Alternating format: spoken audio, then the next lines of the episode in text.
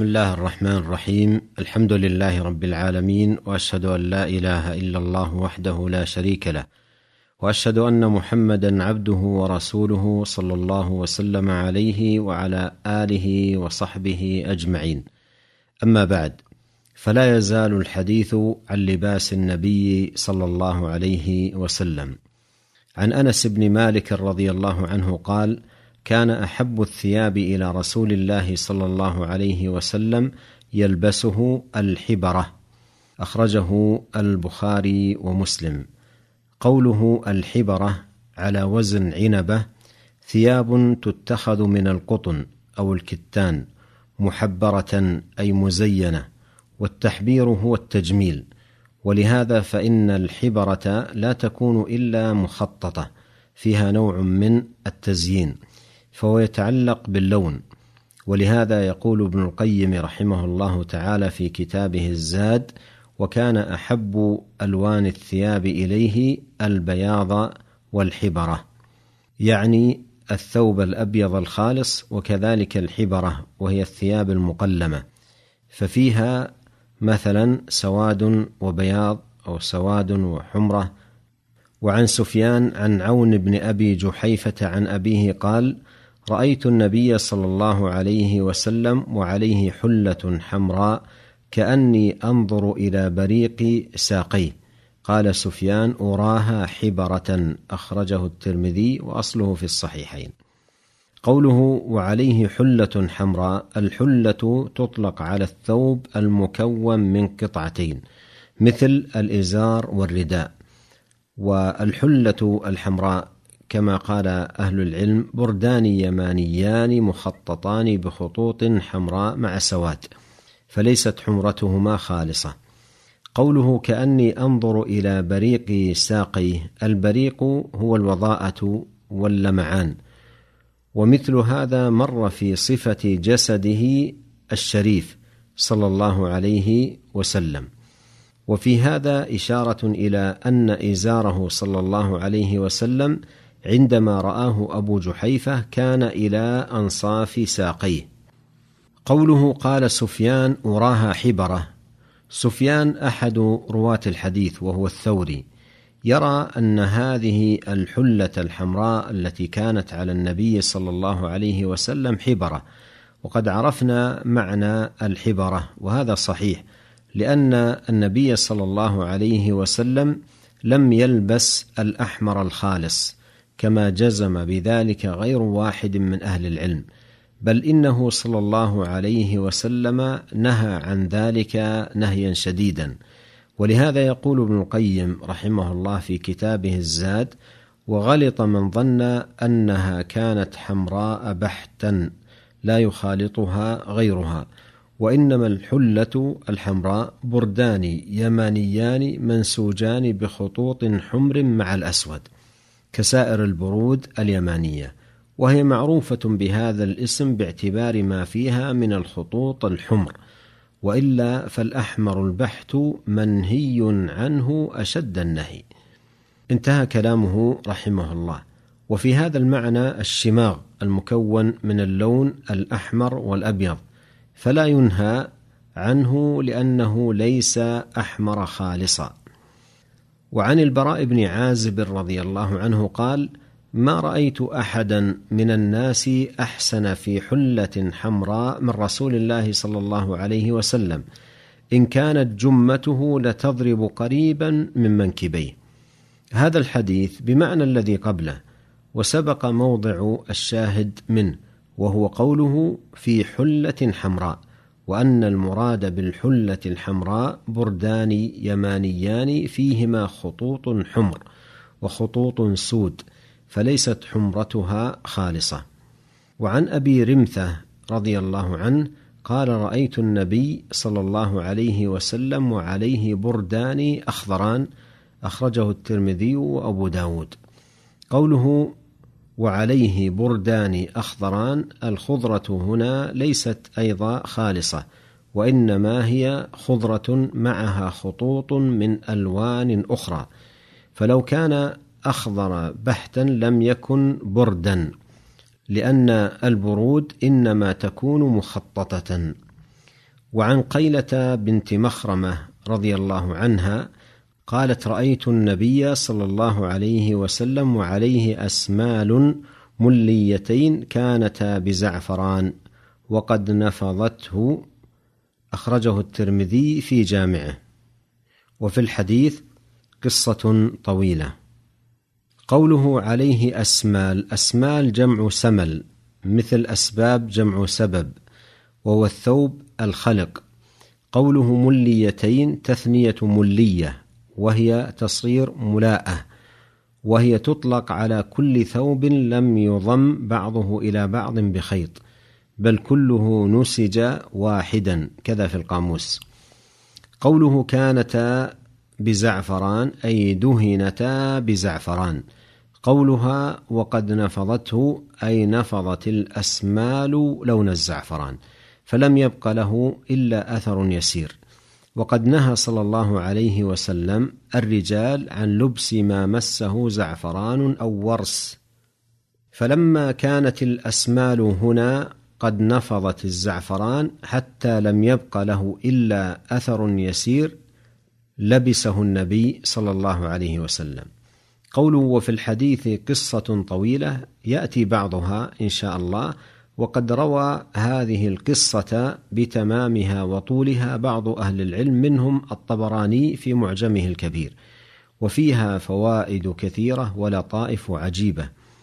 وعن ابن عباس رضي الله عنهما قال قال رسول الله صلى الله عليه وسلم عليكم بالبياض من الثياب ليلبسها أحياؤكم وكفنوا فيها موتاكم فإنها من خير ثيابكم.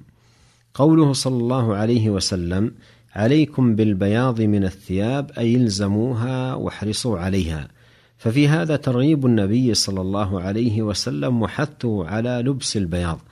والبياض من الثياب أفضل من غيره من الألوان سواء الخالصة منها أو المخططة. ومن أسباب تفضيل اللون الأبيض من الثياب ما سيأتي في الحديث الآتي من قوله صلى الله عليه وسلم فإنها أطهر وأطيب.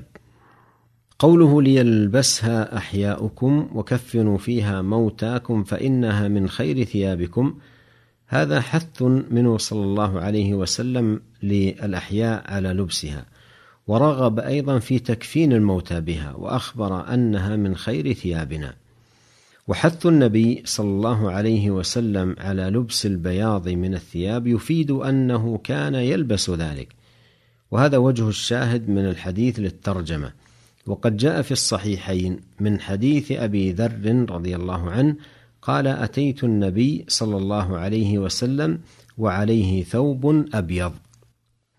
وعن سمرة بن جندب قال قال رسول الله صلى الله عليه وسلم البسوا البياض فإنها أطهر وأطيب وكفنوا فيها موتاكم. أخرجه الترمذي. فيه الحث على لبس البياض كالحديث الذي قبله. قوله فإنها أطهر وأطيب أي أن الثياب البيض تجمع بين هاتين الصفتين الطهر والطيب. فهي تمتاز عندما تغسل بطيبها ونقائها وظهور صفائها وإذا وجد فيها شيء من الوسخ ظهر مباشرة. بخلاف الثياب الأخرى فإنها ربما تتسخ ولا يظهر الوسخ. ولهذا اختاره صلى الله عليه وسلم دون غيره من الألوان في دعائه حيث قال اللهم نقني من الخطايا كما ينقى الثوب الأبيض من الدنس وعن عائشة رضي الله عنها قالت خرج رسول الله صلى الله عليه وسلم ذات غداة وعليه مرط من شعر أسود. أخرجه الترمذي. قولها ذات غداة الغداة الصباح الباكر. قولها وعليه مرط من شعر أسود المرط بكسر الميم كساء طويل واسع يؤتزر به. وعن المغيرة بن شعبة رضي الله عنه أن النبي صلى الله عليه وسلم لبس جبة رومية ضيقة الكمين أخرجه مسلم. الجبة الرومية نسبة إلى الروم، والجبة نوع من اللباس يلبس فوق القميص. قوله ضيقة الكمين الكمان موضع إدخال اليد من اللباس. يلاحظ من خلال الأحاديث الواردة في الباب تنوع لباس النبي صلى الله عليه وسلم. فلبس الإزار والرداء ولبس الكساء ولبس القميص وانواعا أخرى من الألبسة. وهذا مما يبين أن الأمر في اللباس واسع وأن الأصل فيه الحل ما لم يدل الدليل على تحريمه. كأن يكون الثوب بالنسبة للرجل مسبلا أو ثوب شهرة أو من الحرير أو من المعصفر أو أن يكون ثوبا فيه تشبه بالكفار فكل ذلك حرام.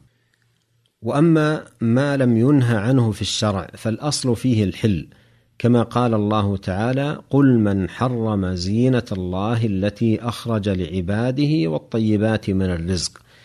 فأنكر سبحانه على من حرم اللباس والمطاعم والمشارب التي أخرجها سبحانه لعباده نعمة منه ورحمة فدل على أن الأصل فيها الإباحة حتى يأتي من الشرع ما يدل على التحريم. ودخل في هذا الأصل جميع ما تتخذ منه الأكسية من أي نوع كان فهو مباح. ولم يحرم الشارع إلا أشياء مخصوصة ترجع إلى دفع الضرر وحفظ العباد في دينهم ومعاشهم.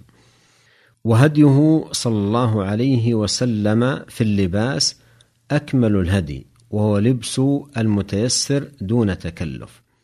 قال شيخ الإسلام ابن تيمية رحمه الله وكان عادته في المطعم أنه لا يرد موجودا ولا يتكلف مفقودا ويلبس من اللباس ما تيسر من قطن وصوف وغير ذلك. وكان القطن أحب إليه وكان إذا بلغه أن بعض أصحابه يريد أن يعتدي فيزيد في الزهد أو العبادة على المشروع ويقول أينا مثل رسول الله صلى الله عليه وسلم يغضب لذلك؟ ويقول والله إني لأخشاكم لله وأعلمكم بحدود الله تعالى. وقال ابن القيم رحمه الله في كتابه زاد المعاد والصواب أن أفضل الطرق طريق رسول الله صلى الله عليه وسلم التي سنها وأمر بها ورغب فيها وداوم عليها وهي أن هديه في اللباس أن يلبس ما تيسر من اللباس من الصوف تارة والقطن تارة والكتان تارة ولبس البرود اليمانية والبرد الأخضر ولبس الجبة والقباء والقميص والسراويل والإزار والرداء والخف والنعل وأرخى الذؤابة من خلفه تارة وتركها تارة وكان يتلحى بالعمامة تحت الحنك وكان إذا استجد ثوبا سماه باسمه وقال اللهم أنت كسوتني هذا القميص أو الرداء أو العمامة. أسألك خيره وخير ما صنع له وأعوذ بك من شره وشر ما صنع له. وكان إذا لبس قميصه بدأ بميامنه. وبالله وحده التوفيق والسداد وصلى الله وسلم على عبده ورسوله نبينا محمد وآله وصحبه أجمعين. والسلام عليكم ورحمة الله وبركاته.